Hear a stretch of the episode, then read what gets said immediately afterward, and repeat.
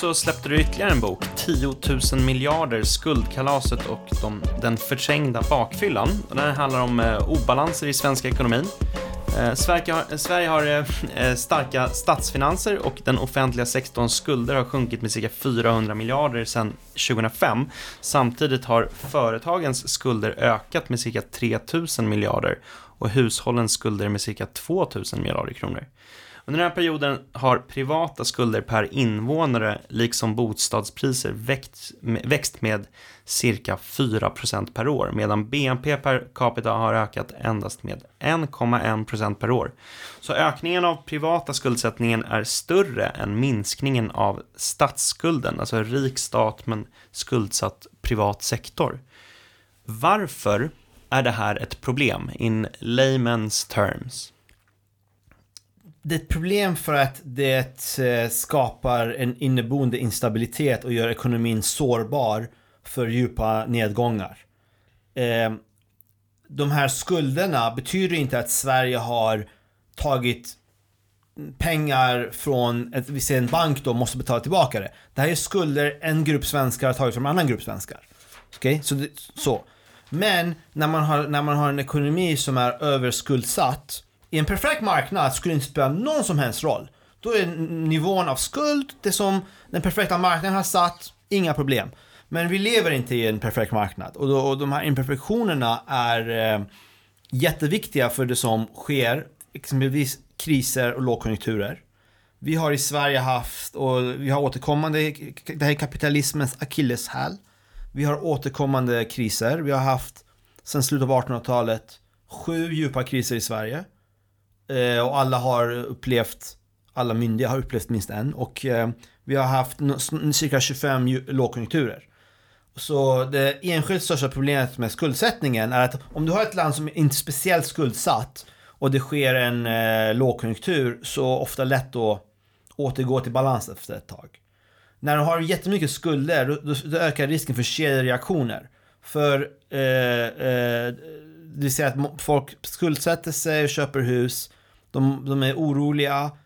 Det, det påverkar deras privatekonomi jättemycket då om räntan går upp eller fastighetspriserna faller. Och eh, gör det det, då börjar folk kollektivt, ett, de börjar sälja de här tillgångarna samtidigt. Så det blir en fire sale, dumpa priserna. Två, de blir eh, återigen kollektivt försiktiga. Alla samtidigt försöker dra ner sin konsumtion. Då kan vi få en eh, lågkonjunktur. Så det var ena problemet med skuldsättningen. Det ökar risken för djupa nedgångar och det gör återhämtningen långsammare också. För då, måste, då hamnar man i en eh, eh, deleveraging cykel. Folk tycker att ja, de har en psykologisk eh, nivå. Ja, det är okej okay om jag har så här mycket skulder, 50% av min inkomst. Men det är inte okej okay att ha 100% av min inkomst. Okej, okay, då måste jag betala tillbaka det här. Alla, när alla samtidigt försöker betala tillbaka sina skulder, då, eh, som jag var inne på tidigare, konsumtionen sjunker och eh, folk säljer tillgångar samtidigt, då faller ju de här priserna, ekonomin går ner, då blir det svårare för dem. Hade en person i en högkonjunktur försökt ta bort sina skulder, då är det lätt. När alla gör det samtidigt, då kan det vara kollektivet problem. Och det här det, finns flera sådana här. Bankerna blir ofta väldigt försiktiga, de slutar låna ut under kriser. Det kan ha extrema effekter på ekonomin. Och vi ser då helt enkelt historiskt en tendens att kriser som föregås av en ökning av skuldsätt, privat skuldsättning, då pratar vi inte om statsskulden nu bara, eh, djupare och tar längre tid att återhämta sig från. Och jag tror faktiskt fortfarande att vi i viss mån inte har återhämtat oss globalt och i Sverige från krisen 2007, 2008. Det, det andra problemet kan vi också gå in på att eh, Säg att vi har en... Eh, det finns två eh, förklaringar, ska tilläggas, eh, varför det här har skett. Det här är inte den här boken som Massutmaning. Massutmaning handlar om väldigt tydliga forskningsresultat som jag har sammanställt.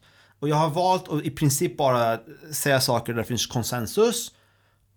och det handlar oftast om ganska deskriptiva studier som hur hög arbetslösheten bland invandrare det finns inte så mycket tolkningsutrymme, det är på någonting.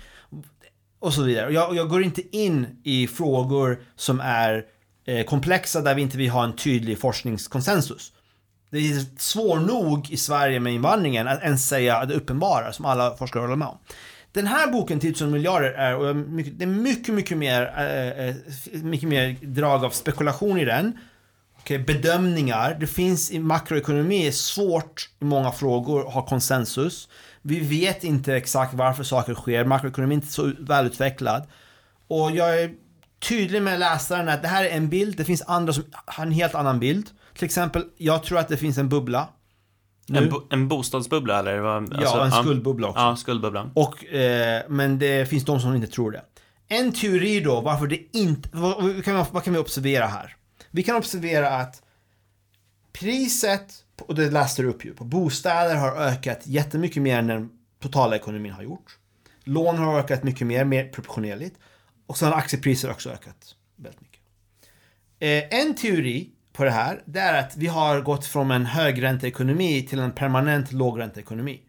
Att någonting har skett, att långsiktiga tillväxten har sjunkit, eh, befolkningen är äldre, globalisering som har gjort att förr i tiden så var räntan, eh, realräntan 3% och nu kommer den vara 0 eller 1% i överskådlig framtid. Och, och, om det sker, eh, då kan ju priserna på bostäder, om det som det man hyr av banken, tredubblas permanent. Inga problem. Okay, det är en teori. Jag tror inte på den teorin. Jag tror att det är en, eh, en rimlig, och det kan vara så att de har rätt, att det har skett det här. Jag, och, och det finns en debatt om det här. Men jag tillhör dem som tror att den, det, har inte, det här sänkningen av räntorna är temporär. Det är inte en fundament, det drivs inte huvudsakligen i alla fall. Det kanske finns en viss långsiktig eh, strukturell effekt. Men att det sker på grund av förändrade policy av, penning, eh, av riksbankerna och av krisen samt att vi har haft en deflationär eh, effekt, temporär deflationär effekt av globalisering och teknologin. Eh, det här är komplexa saker, men jag tror att jag kan ändå, mycket av det kan man förklara någorlunda sunt förnuftmässigt.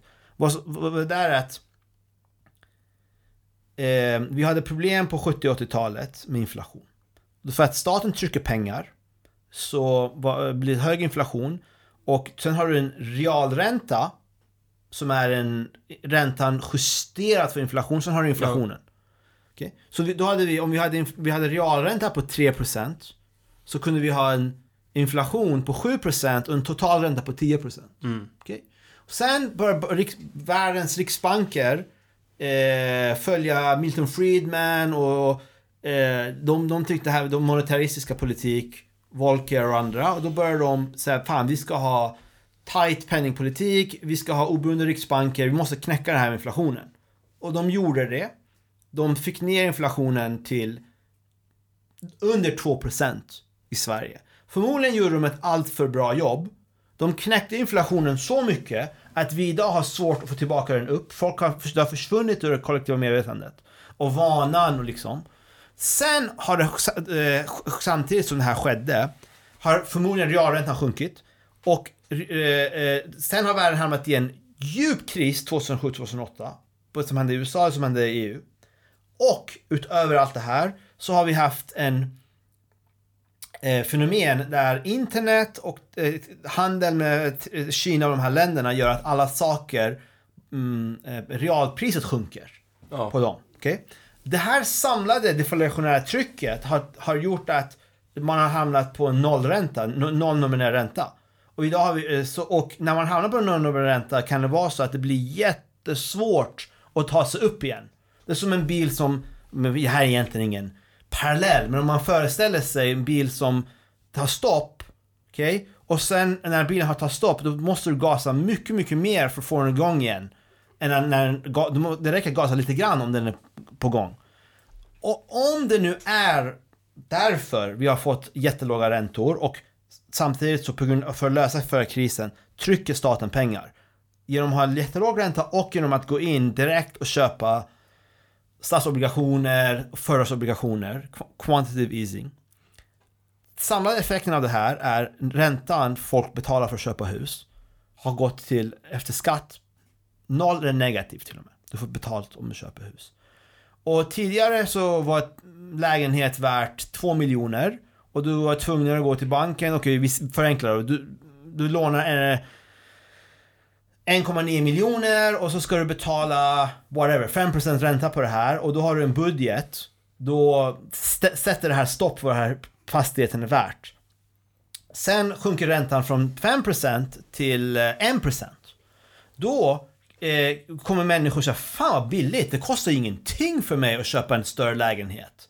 Gradvis. Så börjar de gå, det är gratis att låna ju på kort sikt. Så går de och budar upp de här bostäderna, både villorna och fast, eh, lägenheterna. För det, är- de utgår från en månadskostnaden som är nästan noll.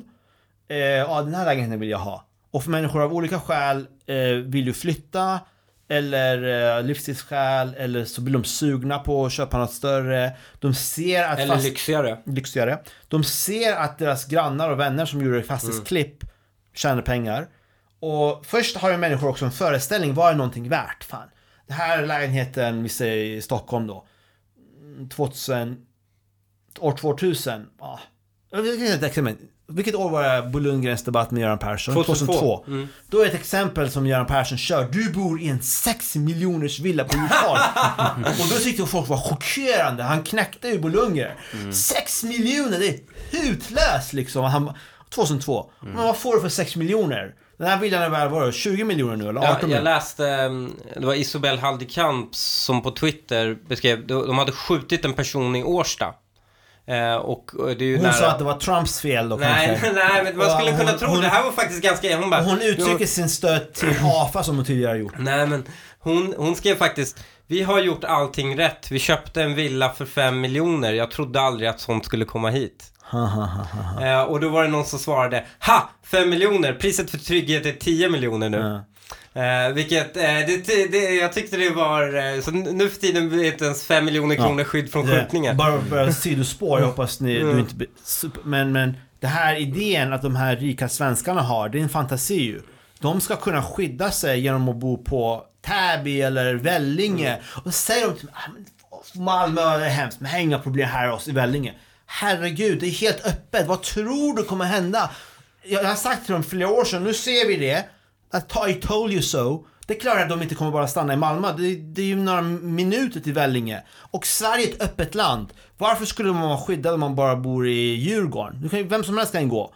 Okej, möjligtvis då skärgården kanske det... Nej men seriöst. Var annars skulle de vara skyddade? De, de inbillar sig bara att de är skyddade. Det är en fa- fantasi. De kommer se snart att de inte alls är skyddade. Och här sitter vi i samma båt.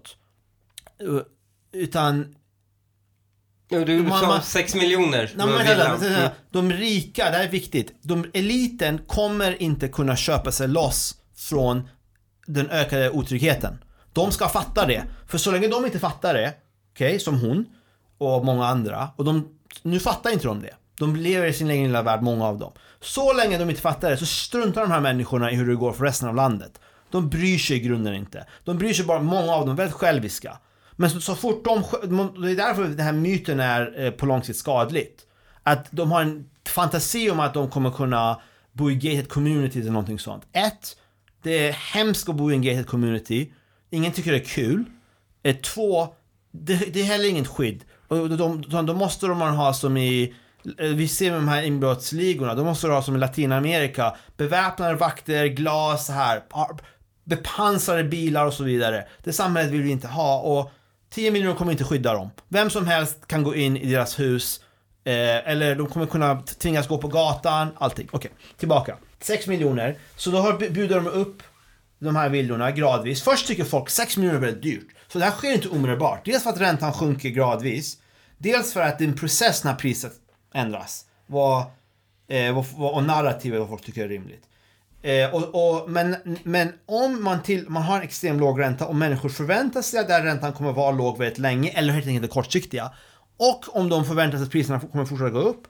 Och det tredje, tredje om det inte byggs nytt.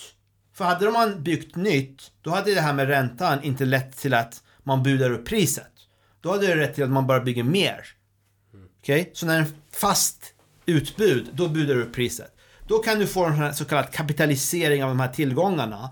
När någonting, utan att den har blivit en bättre hus, det är samma villa på, på, på Djurgården, så har den blivit värd 18 miljoner säger vi. Och då måste människor de har ju samma lön, eller de har ökat med 1% och 2% som den vanliga. Okej? Deras lön i relation till de här husen har ju sjunkit ju. Då måste de ju ta större och större lån i relation till sin vardagsekonomi för att kunna köpa de här husen. Det här är någonting folk bara tror är en, det är en bluffökning egentligen på många sätt. Du, du, och så, eh, speciellt om det är tillfälligt. Men även om det inte är tillfälligt, om du är tvungen att bo i huset, har du ingen större nytta av att den har ökat i pris. För kostnaden för att bo i huset har ökat också.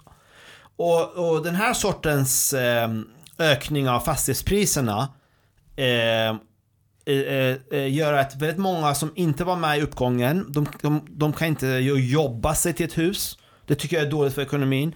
Det tvingar ju hushållen, för du frågar vad är problemet? Det tvingar ju hushållen att bli småkapitalister. Deras energi går till det här lånet. Lån, du äger inte huset, lånet äger dig. Och huset och lånet äger, äger dig. Um, och det, jag tror också att det är eh, um, ohälsosam för ekonomin på många sätt. För att mycket av eh, fokus blir på eh, sälja och köpa, försöka eh, spekulera, försöka göra snabba klipp, vilket du kan göra när priserna svänger så mycket, än att satsa på långsiktig innovation och sådär. Eh, och, eh, och, och företagens eh, fokus då skiftas till fel och väldigt mycket av vinsterna blir finanssektorn och fastighetsmarknaden som genererar inte den produktiva, mm, långsiktigt produktiva ekonomin. Eh, jag tror att det finns också, det kan vara värt att berätta, därför tycker folk det är intressant, olika teorier om bubblor. Den ultra eh, marknadsliberala eller liberala teorin då, ny, nyklassiska teorin, nej det finns inga bubblor. Marknaden är rationell, den förspår eh, framtida utveckling utifrån information som finns tillgänglig. Det är FAMAs teori då. Och all information observerar marknaden, spottar ut ett pris, det är priset. Marknaden kan ha fel. Den kanske tror att tulpaner i Holland, tulpanlökar, unika, var värt lika mycket som ett hus. Men det var bara för att marknaden trodde att tulpanmarknaden skulle växa jättemycket och det här var som att äga ett aktie Microsoft tidigt. Och det var inte så att marknaden felprissatte tulpanerna. Den hade bara fel. Det är teorin. Och eh, det finns inga bubblor då. Och många av dem som tror på den här teorin, de förstår inte ens om de förstår vad en bubbla är. Vad, vad, vad, vad pratar du om? Det är bara marknadens bedömning. Här finns en annan teori, som den normala teorin. Då, kallar, då skiljer de på eh, reala värdet och fundamenta. Tycker de att det finns en legitim förklaring till vad någonting borde vara värt. Men eh, om marknaden avviker från fundamenta, då har vi bubbla. Annars, har vi, annars är den rätt prissatt. Eh, och den teorin är vanligast då, den så, mittemellan. Men jag tycker att den är heller inte perfekt för att de förklarar inte varför skulle marknaden, de har ingen mekanism. Varför avviker vi från fundamenta? Vad är fundamenta? Vi har ju många, vi har ju, hur, om vi vet vad fundamenta är, varför avviker de marknaden? Eh, och den tredje förklaringen då, modellen, som är Schillers modell, han fick ekonomipriset några år sedan. Det är ju det är en psykologisk, masspsykologisk teori som handlar om narrativ. Och har eh, många element som är väldigt fascinerande. Jag tror att det är en, det är en briljant teori. Just, eh, det låter väldigt så här, attraktiv teori, att det är just psykologiska liksom masspsykoser helt Ja, det är masspsykos, exakt Ja. vad det är. Då säger han, ja, vi har alltid olika narrativ. Och vi eh, har debatter om vilka av de här narrativen är rätt. Ett narrativ är att det här är, vi har en lågränteekonomi, eh, ekonomin, arbetslösheten är låg, vi har tillväxt, hushållens eh, disponibla inkomst ökar, vi bygger inget, vi har invandring. Det flyttar in en busslast eh, Ja. in i Stockholm eh, i Ja. veck- i Nu hånar vi, men, men, men det Ja. finns de. Det är en Ja. narrativ. Ja. Och, och tittarpriserna har ju gått upp och sen säger de ni sa att det skulle sjunka många år, det har det inte gjort. Nu har det gjort det, men ändå, Mm. det har inte kraschat. Så ett narrativ, nej det här är en bubbla. Och de här narrativen, vi kan inte avgöra exakt vilket som har rätt. Det är svårt att veta. Och eh, vi kan betona olika delar. Jag skulle förmodligen kunna sitta här och om jag ville trolla och jätteövertygande säga att fastighetspriserna är övervärderade eller undervärderade. Det går att göra det, ah det låter ju rimligt, genom någon sorts retorik. Eh, och om jag och Hanif skulle kunna ha en fake debatt där vi byter position och så skulle inom, givet hur man lyfter fram olika delar av en extremt komplex informationsmängd så kan man få den att framstå som trovärdig. Och väldigt ofta då när vi har de här skillnaderna i narrativ så är prisökning självförstärkande. För en befäst och sänkning. För en, för en ökning av priset förstärker ju narrativet om att Just det. det är rätt Om att det stiger. Ja. Mm. Och nu, vilket håller på att ske, nu sjunker ju priserna lite grann de senaste ett och ett halvt åren. Det förstärker ju mitt narrativ. Mm. Eller hur? Det har varit svårare för mig att eh, försvara den här boken om priserna bara som 2012 bara drar iväg så här. Det framstår som idiotiskt. Och jag skulle själv bli osäker. Det är ganska vanligt i bubblor, olika bubblor, att de som tidigt säger att det är en bubbla okej, och har rätt. De är för tidigt ute. Sen går det bara upp, upp, upp. Så blir de, får de själva doubt, Ja. tvivel. Kalla fötter. Ja, tvivel. Och Det är så, som börjar The Big Short. så hoppar de in. Big Short är en fantastisk film.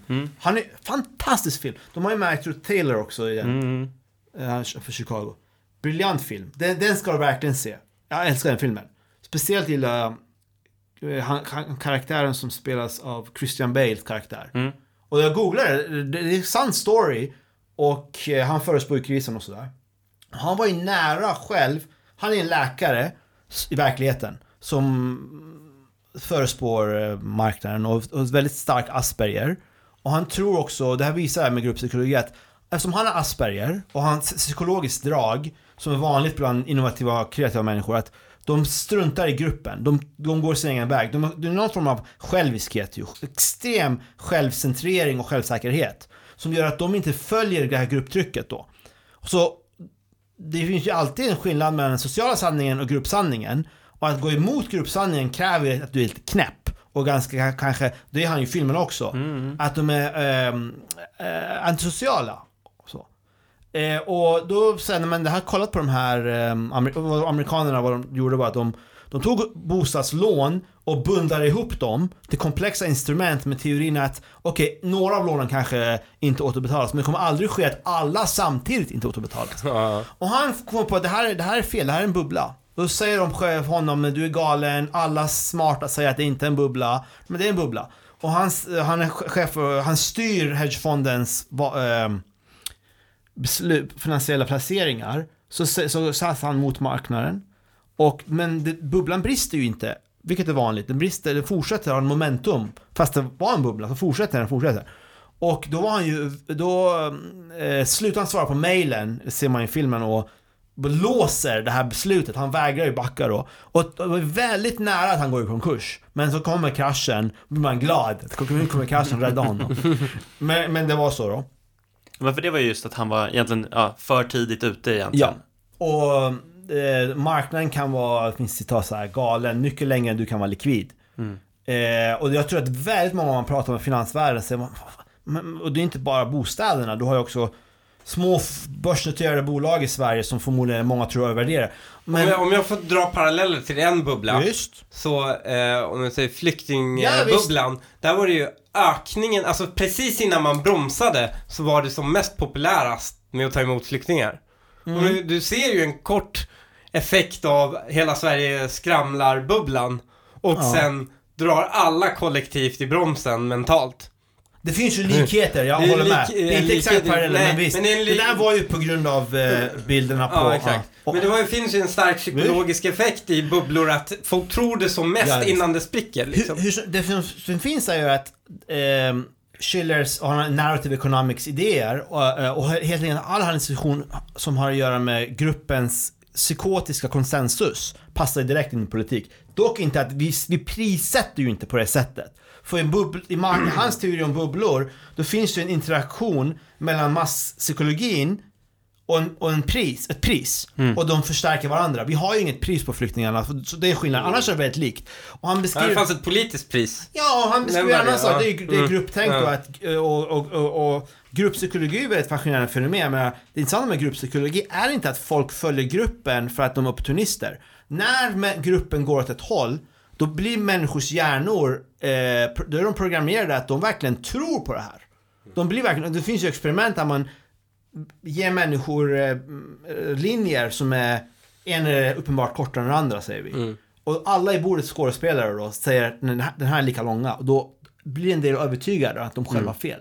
Så, och, Det är ju Ni, Nial, eh, vad jag säger, Nial, eh, Harari skriver ju i Sapiens om att det här är en biologisk inprogrammerad, det är ju så här när shamanen sa okej, det står i stjärnorna att vi ska andra sidan floden.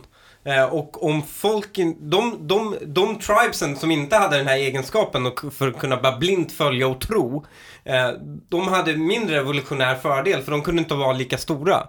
Eh, Då kunde man inte styra den gruppen. Så vi Ja, det, är har möjligt, det ju... är group selection. Ja.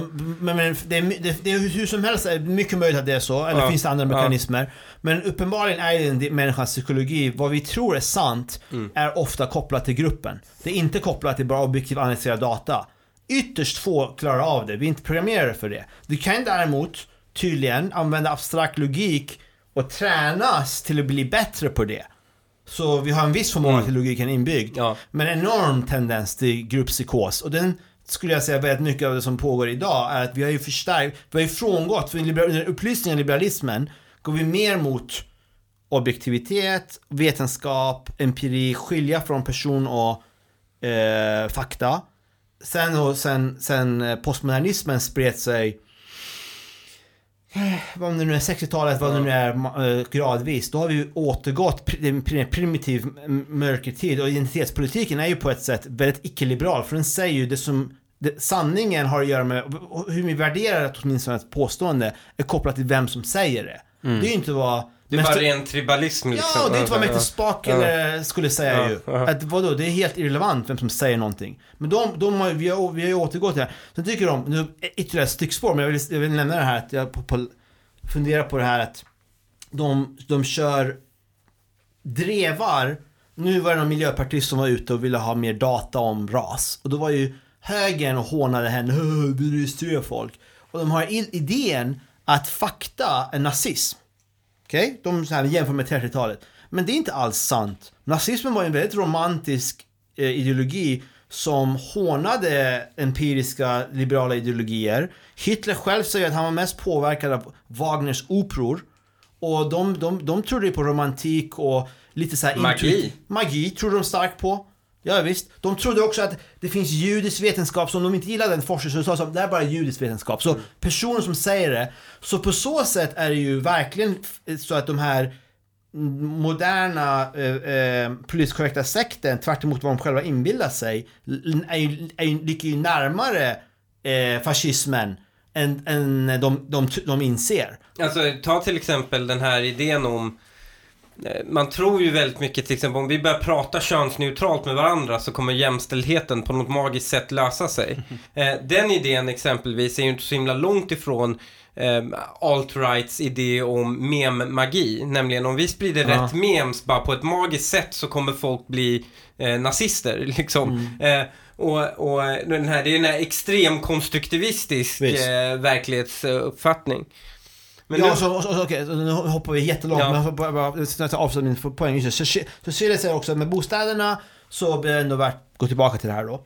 Eh, så, säg att det finns en stad där det blir en boom, temporär boom. Priserna börjar gå upp, eller räntan går ner kanske. Och då folk får, aha, priserna går upp, de får en positiv känsla, de blir glada, de som är med i uppgången. De, folk börjar prata mycket om fastigheter.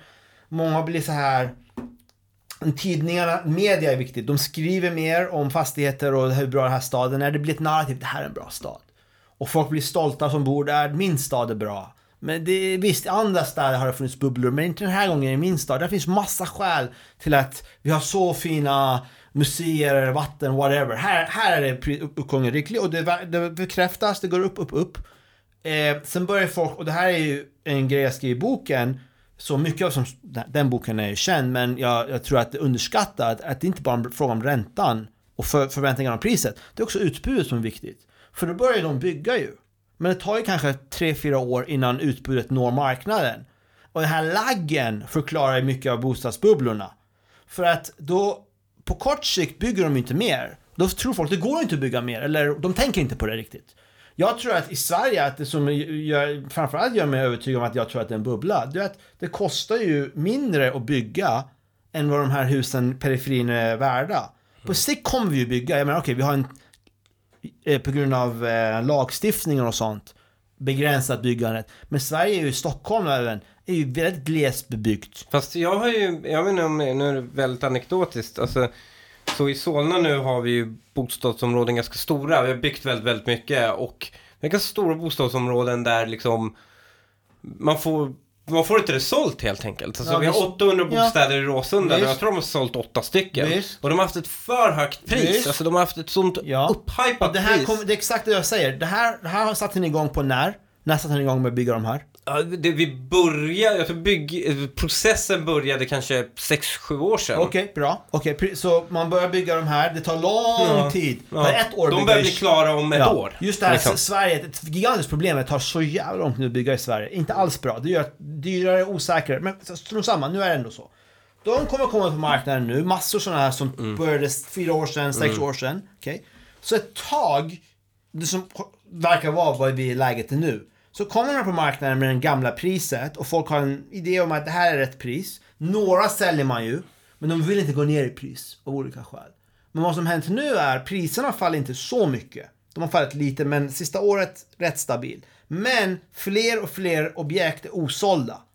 Gissningsvis kommer det här till slut leda till att de ger upp. För en del hoppas ju att det kommer komma en uppgång då. Det kommer inte göra tror jag. De kommer börja sänka priset för att få de här objekten sålda. Och då kommer vi se det här, eh, eh, eh vad jag, jag, jag tror, men helt utan att vara säker, är processen att priserna kommer börja sjunka nu på grund av utbudet. Det behöver inte, det behöver inte ens vara så att Riksbanken höjer räntan. Men Utbud- det vi ser nu då, alltså att vi ser att priserna har börjat sjunka redan ju, eller åtminstone i Stockholmsområdet. Ja, fast Eh, nu kom det en flash att det ökar igen. Är det så? Lite. Okej.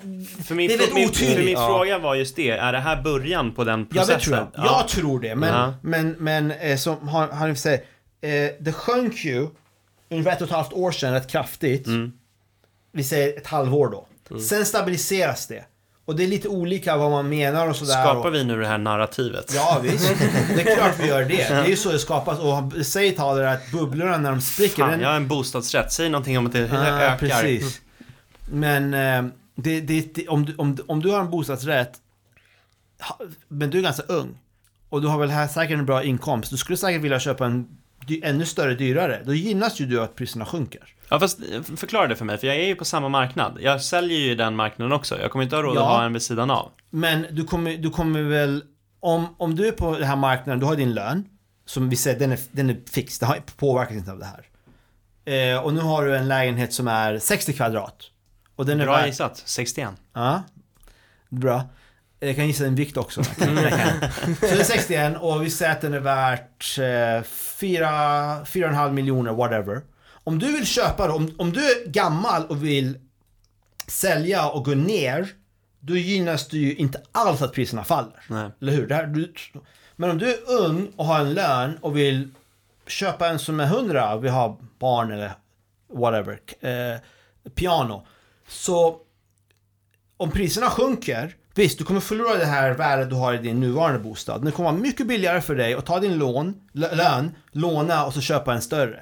Så att eh, jag tror att eh, det här, det här, sån här bubbla på ett kollektiv nivå är inte alls bra för landet. Det är en omfördelning. Och för övrigt, det, här, det sa jag på SVT, då, vi kan, jag, kan gå in i det. det här, var, var, varför är det här dåligt? En av de viktigaste förklaringarna till att ojämlikheten har exploderat är den här tillgångsbubblan. Och folk har ju analyserat Pikettys bok till exempel. Och han säger att hans teori om varför det här ökar, han har ju helt rätt att ojämlikheten ökar. Både när det gäller inkomster och ännu mer och när det gäller förmögenhets... förmögenheter. Men den enskilt viktigaste förklaringen är inte hans teori om kapitalismens inneboende bla bla bla bla. Det är att bostadspriserna exempelvis i Frankrike Jag såg i San Francisco eh, där de hade lagt eh, just Pikettys modell då hade de använt och sen hade de korrigerat för bostadspriserna. Och det var typ så här, du förklarade helt Ja, det nästan. allt. I är Frankrike liksom- förklarar Ja. hela uppgången bara bostadspriserna. Ja. Och eh, det är inte, och hans modell är ju en kontinuerlig så. Det här, det här är en kapitalisering, priserna bara hoppar. Och det är inte så att du har mer kapital. Det är ju intressant att skilja riktigt så här kapital, en, en, en, en process, och Stiglitz diskuterar här väldigt bra, en process där eh, kapitalisterna bygger fabriker säger vi. Kapital är tidigare värden som återinvesteras. Eh, är helt annorlunda från en, en, en situation där tillgången på samma byggnad eller maskin bara ökar, eller företag. I det ena fallet finns det ju väldigt starka inneboenden av biokapital. Att det gynnar ju löntagarna också. Så det, det drar ju sällan till en explosion av ojämlikheten. Utan tvärtom, alltså att du bygger mer kapital, då går ju eh, avkastningen på kapital ner.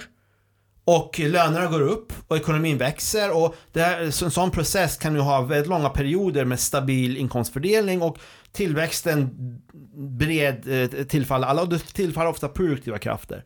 Har du en, istället en kapitalisering av att antingen har en bubbla att räntorna tillfälligt går ner då kan ett, ojämlikheten verkligen explodera. Så om, så jag, jag satt och räknade på det här, bara back of the envelope.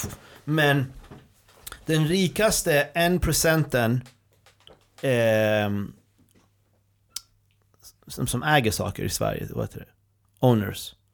Har de senaste tio åren fått, på grund av uppgången i aktier och bostadspriser som jag tror beror på, som jag sa tidigare, penningpolitik och räntor och sånt. Hur som helst, vad det, vad den än beror på. På grund av det här har de fått en engångsökning på 25 miljoner. Nästan 2,5 miljoner per år har, har de fått sista 10 åren, rikaste 1 procenten. Och samtidigt så sitter all fokus i, i Socialdemokraternas ojämlikhetspolitik, det är på att eh, liksom höja eh, värnskatten med, vad är det, vad det nu är, inte värnskatt, de, de, de gör eh, jobbskatteavdraget ja. för att bli två miljarder! Ja. Det är som den här mm. Minimi eller vad, vad heter ja. den här filmen? Austin ja. Powers. One million dollars! Ja. De, de, de, de, förstår inte att det här är jättesmå effekter, det här de håller, de är besatta av att attackera övre medelklass löntagare. Men det är mm. inte det som driver ojämlikheten, det är kapitalet. Och även där tror inte jag, det är inte, det är inte någon förändring kapitalism som driver. Det är en bubblor, penningpolitik. Och det är inte, det är inte ens med i diskussionen nästan, nu kommer det lite grann. Eh, går det att bygga bort det då? Det tror jag, till stor del går det att göra. Du måste ändra både penningpolitiken, finans, eh, förmodligen, penningpolitiken måste ändras. För annars skulle du kunna ha en situation där du bygger bort bostadsbubblan, mm. men du kommer få bubblor i annat. Guld eller aktier. Så, så länge du har, om, om det nu är så att jag har rätt, de som, inte bara jag, men de som tror på det här. Om vi har rätt, så kommer en um, um, artificiell låg ränta och penningpolitik skapa problem någonstans i ekonomin, även om vi bygger bort det. Men om man fixar det och man fixar också att finanssektorn har eh, en kanske överdriven tendens att skapa belåning. Då är det jätteviktigt att bygga bort.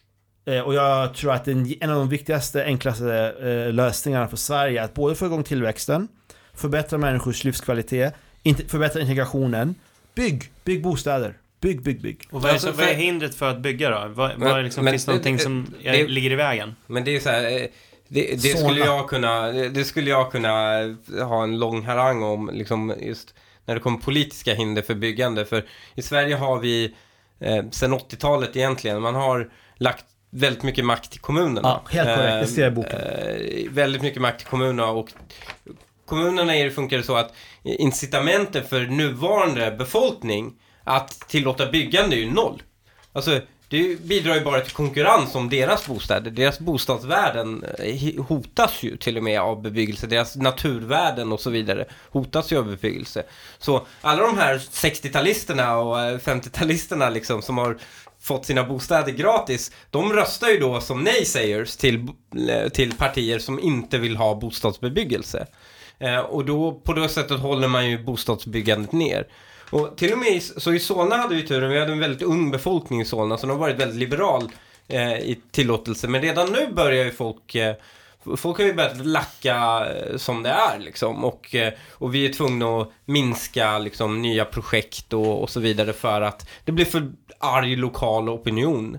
Eh, bara Nimbus. Eh, mm. bara, inte här. Liksom. Ja, och de, och de ser inte att det här på kollektiv nivå drabbar dem själva. Nu ja. ökar nu, det här kommer att skapa gigantiska problem det här med bostadsbristen. Eh, vi har redan ökning av, eller minskning av bostadsyta per invånare efter många, många år där den ökade.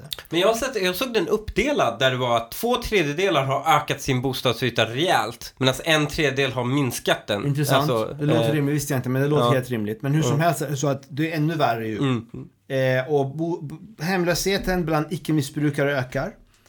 Eh, du har enorma problem där de här eh, nyanlända tränger ihop sig. Vad var det? Du har hyreshajar.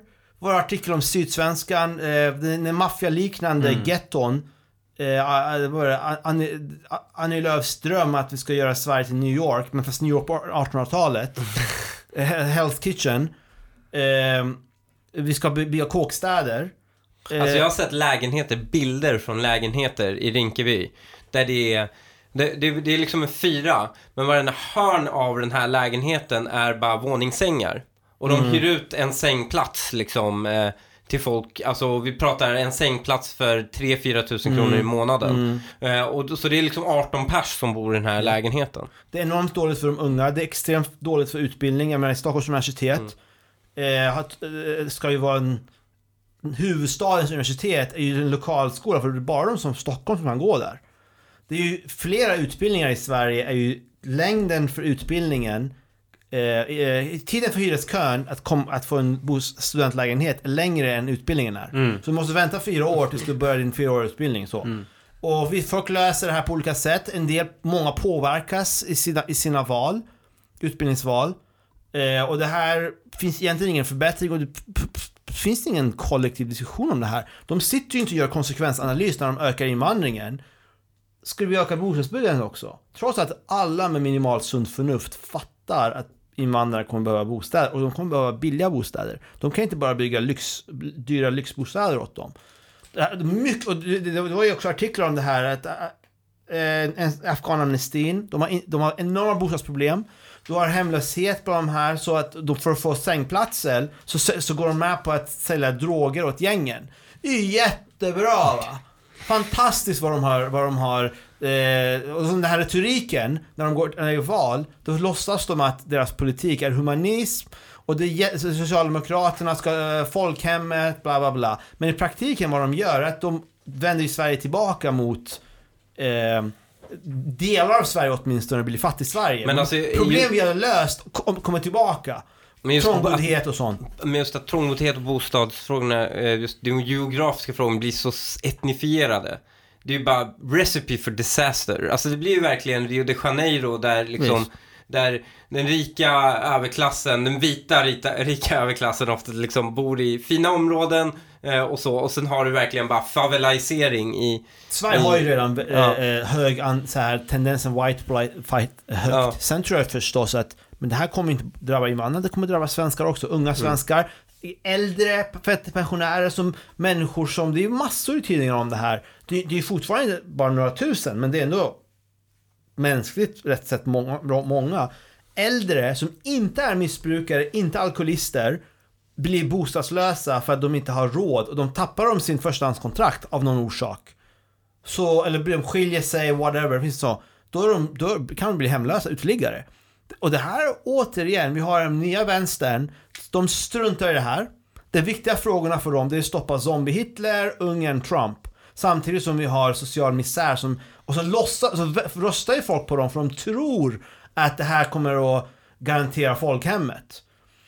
Men eh, hur ska man tänka som individ då? Det, alltså jag förstår att det mesta av det här lär väl ske på liksom strukturell nivå, men kan man som individ på något sätt bara till dagen kriget kommer liksom, då ska man, kan, kan man fundera-. Nej, men jag skojar, jag, jag menar inte som ett krig, men jag menar om kraschen kommer. Ja. Alltså så här, ska man, hur ska man tänka liksom? Jag förstår Ja, att man ska fråga. överbelåna sig, men det är ju jävligt svårt Ja, att nej, inte men överbelåna sig om, om det är enda sättet att få en bostad. Ja, det, det, det, det har du helt rätt i och jag försöker i boken, i massutmaningen är 25 samhällspolitiska råd.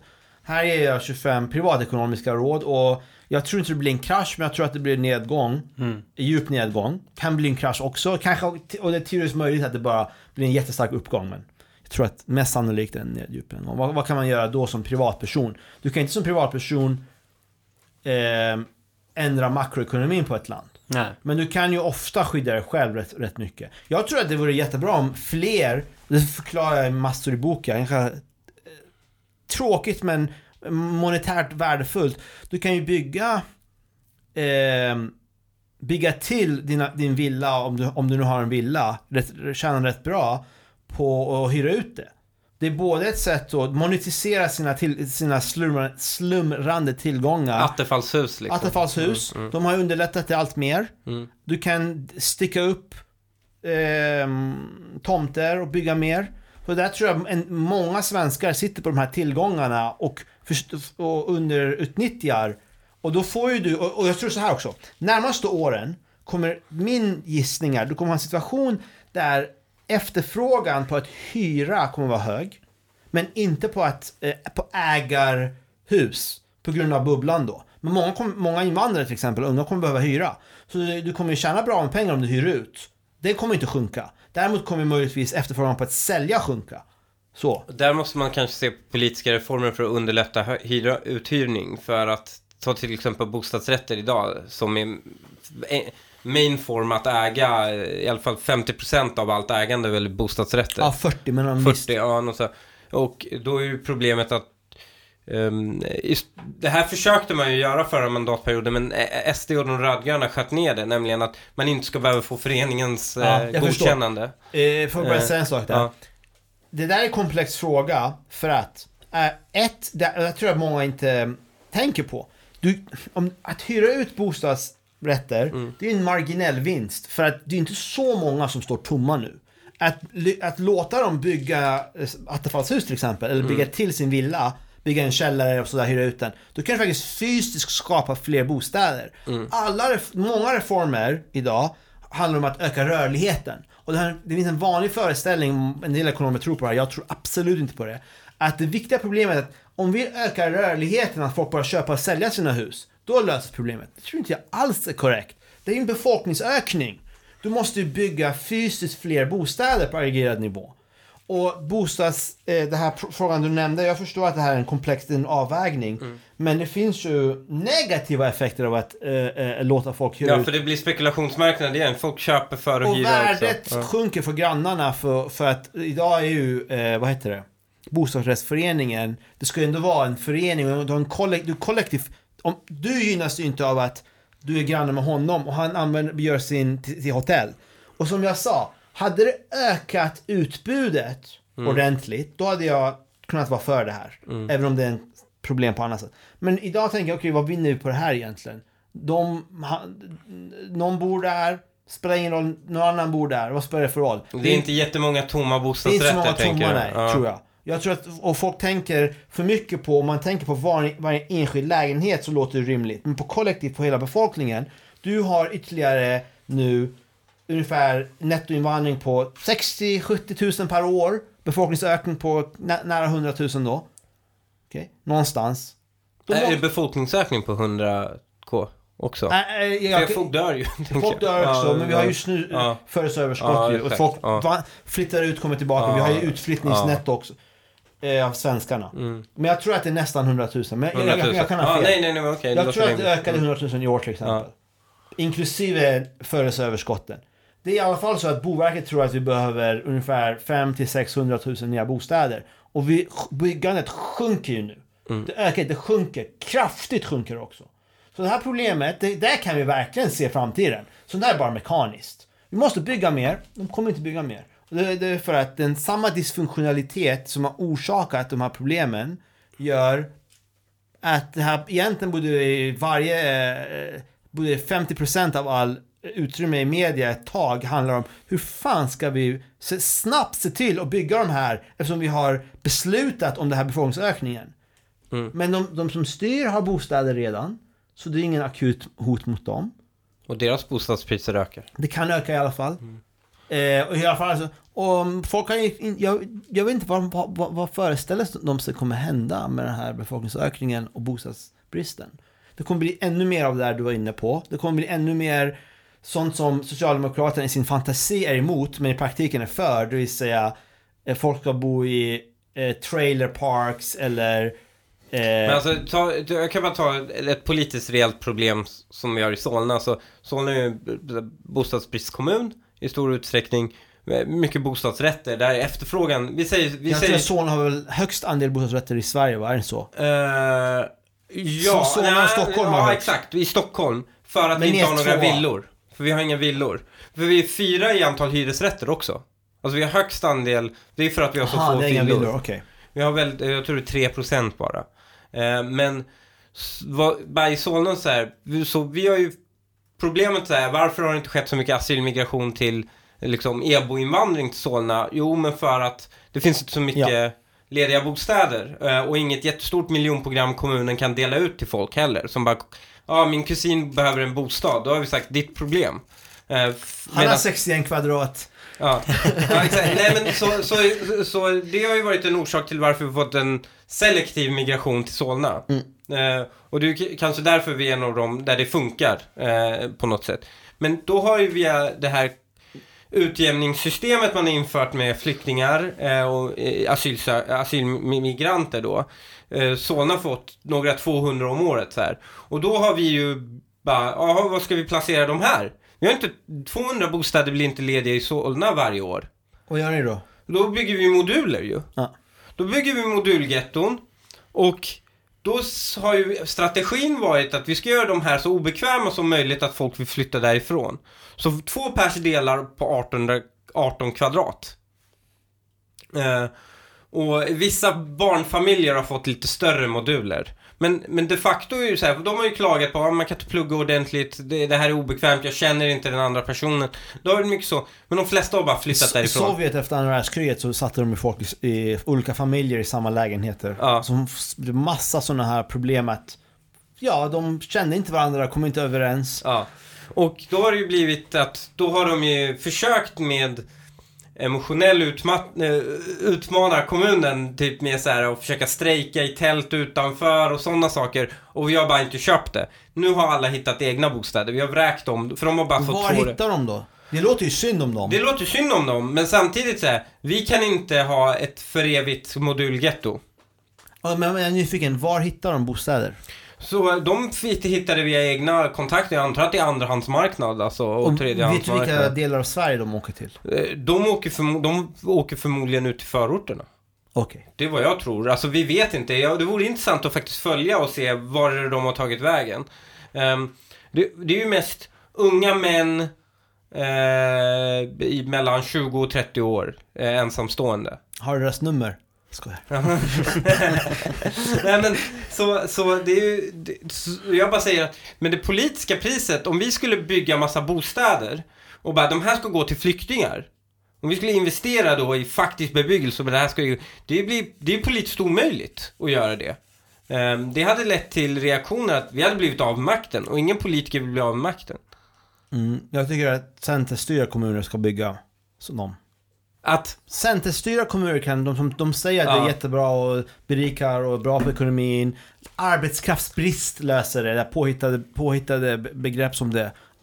Det är bara, de, de, de får ju, vad heter det, agera utifrån sin retorik. ja, som, eh, nu ska jag inte basha Centern eh, i just, i just Solna, för de har backat upp vår policy till 100% att, att liksom vara hardline Att, på men alltså så här, det migration. ni liksom. gör i Solna, det är oavsett om ni tycker att Ja. det är bra för er, er, er perspektiv, Mm. whatever. Det, det är på kollektiv nivå inte bra att Sverige inte bygger. Nej. Och jag tycker att, eh, eh, sen var man ska bygga, det vet jag inte. Men jag, Mm. alla kommuner, inklusive Solna, Lidingö och alla de här kommunerna ska man bygga. För att jag tycker inte att det Nej, är vi har bra. högst byggtakt i, Ja, i länet. bra. Men det är att vi inte, vi kan inte erbjuda, det vore Ja. dumt av oss att sälja marken till Fine. sådan pris att flyktingar kan hyra Men, men om jag styrde skulle jag tvinga alla borgerliga kommuner också, okej, Mm. Täby, extra mycket, alla de här. För att de har ha- haft drivit på migrationspolitiken. Och de har ju varit ansvarslösa för att de inte direkt drabbas av konsekvenserna. Ofta, inte bara att de tänker, utan att de, eftersom de, eftersom de inte ser konsekvenserna och de konsumerar informationen bara genom media. De ser ju inte Rinkeby. Då tror de att det här är bara fake news. Så här. Eh, det är jättebra, integrationen går jättebra. Jag är läkare från eh, Bulgarien är min eh, granne. Jätte, jättefint med Och alla invandrare. har sin bostadsrättsiranie som de... Ja, som, ja. Så, så att jag tycker att eh, ju, ju, de här rika kommunerna ska man bygga så att hela landet ska vara delaktig. Det här segregationen är politiskt dumt. För att det gör att eliterna kan göra koll, kollektivt dumma grejer. Egentligen är det dumt för dem också.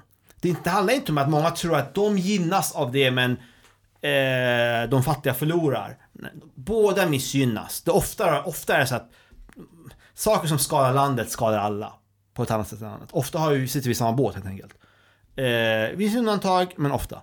De fattar bara inte, eftersom de inte...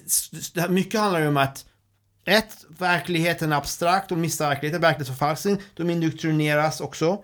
Och det som är mitt framför ögonen på dem, då ser de det. Det är därför också opinionen har skiftat nu. Det är för att eh, eh, fler och fler ser brottsligheten eller hör någon kompis drabbas, då tror inte de lika lätt, lätt, på de här myterna där de läser faktisk.nu eller whatever, Metro, Gra- Viralgranskaren, DNs ledarsida som konstant bortförklarar verkligheten.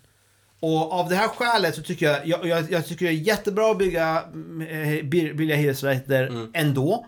Och vi ska extra mycket bygga dem i de här eh, eh, eh, pro-invandrings, liberala, moderata centerkommunerna, eller fake-liberala. Jag tycker också, jag, jag, jag, skämt nu så inte det ringer Hanif, men jag har också mitt program som är miljonprogram för böneutrop minareter. Jag tycker vi ska bygga en miljon av dem, eh, hög volym, ska, ska få internalisera kostnaderna. Så alla får, om alla ska Fem gånger om dagen. Tino Sanandaji som gärna blir kallad för kontroversiell. Tack för att du kom till God ton. Tack själv. Tack så hemskt mycket. Puh. Shit vad det här var långt.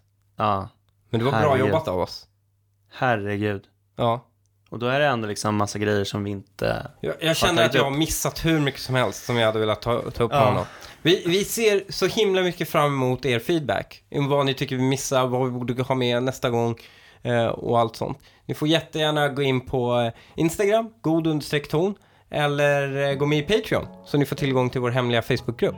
Patreon.com snedstreck godton. Annars så ses vi nästa vecka. Det gör vi. Hej då! Hej då.